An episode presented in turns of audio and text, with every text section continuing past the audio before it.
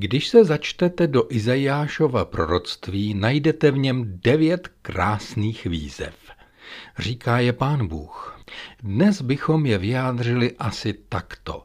Chlapi, jdem na to. Izajáš tu boží výzvu, kterou mám právě před očima ve druhé kapitole té prorocké knihy v hebrejštině napsal takhle. Pojďte, dome Jákobův, choďme v hospodinově světle. Když jsme v roce 1974 přišli do ateliéru užité fotografie, přivítal nás pan profesor Kalivoda v novém bílém plášti. My začínali a on také. Tajemně se usmíval a koulel hnědýma očima. Mladiství a neuspořádaný plnovous orámoval jeho klukovskou tvář. Učit asi nechtěl. Byl tam tak nějak za trest či jak. Učit nechtěl, ale uměl. A my v prváku a on s námi vydržel celý rok.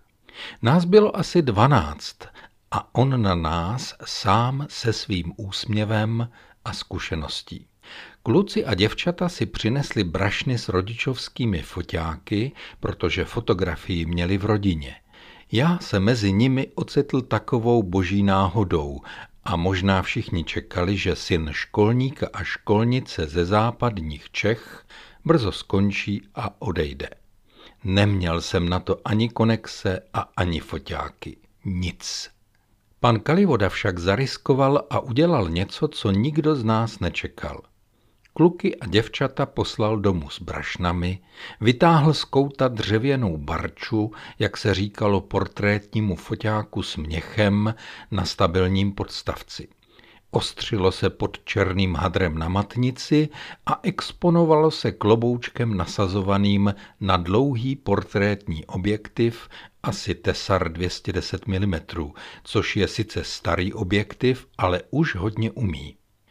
Do kazet se zakládaly skleněné desky a někdy přes ně ještě plochý film. Barča uměla desky 13x18, my jeli na 9x12. A začaly první úkoly. Vyfoť černobílý text, aby byl černobílý. Odevzdávané fotky se dělaly kontaktem, nebylo třeba zvětšováku, takže už nic tomu negativu nepřičaruješ ani ve fotokomoře. Všichni jsme sjeli na nulu. Fotografický potěr silně protestoval. Já plesal. Pak jsme pokračovali vajíčkem na černém podkladu a bílým vajíčkem na bílém podkladu. Na bílém podkladu musela zůstat struktura vajíčka jak v největším světle, tak i v největším stínu. Fotka musela mít černou a bílou, stín i světlo. Vyzkoušejte to dnes digitálem, čip si za vás poradí, ale tehdy jsme v tom všichni plavali. A to krásně. Ta bezmoc, a touha splavovaná peřejemi vývojky a ustalovače v nastavovaných hodinách po vyučování. Vyplácali jsme neskutečné množství fotomateriálu, jak na negativy, tak na pozitivy, jako by v tom ani nebylo stříbro. Tehdy ho nikdo nešetřil. Ale zase, naučili jsme se. A pro mne to byla šance, která se musí zvednout.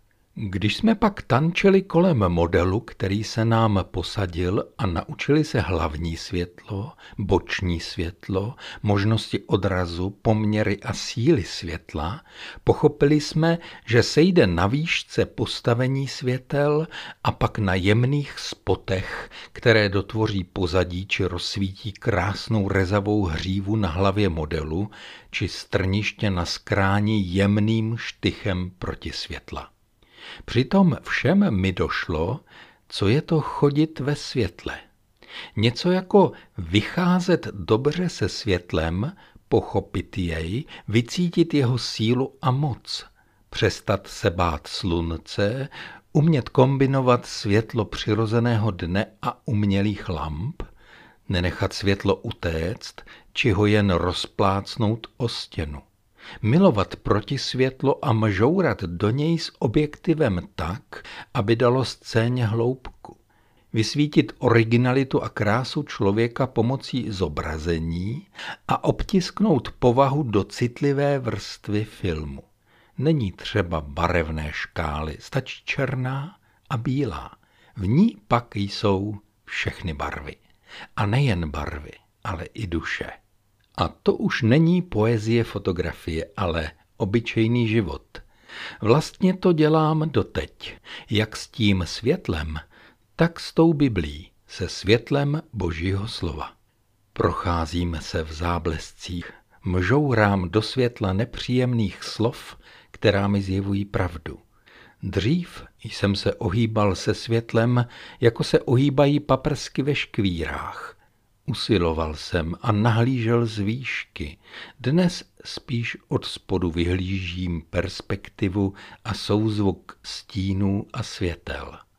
Opravdu mluvím o stránkách té knihy starého a nového zákona, či smlouvy, jak se dnes laskavěji říká. A přál bych si, aby to bylo na pořád. Říkám si s Janem v jeho dopisech. Vždyť se stalo skutečností v něm i ve vás, že tma ustupuje a pravé světlo již svítí. Kdo říká, že je ve světle a přitom nenávidí svého bratra, je dosud ve tmě. Kdo miluje svého bratra, zůstává ve světle a není nikomu kamenem úrazu. Kdo nenávidí svého bratra, je ve tmě a ve tmě chodí. Neví, kam jde, neboť tma mu oslepila oči. A nebo se žalmistou. Pramen života je přece u tebe a ve tvém světle světlo vidíme.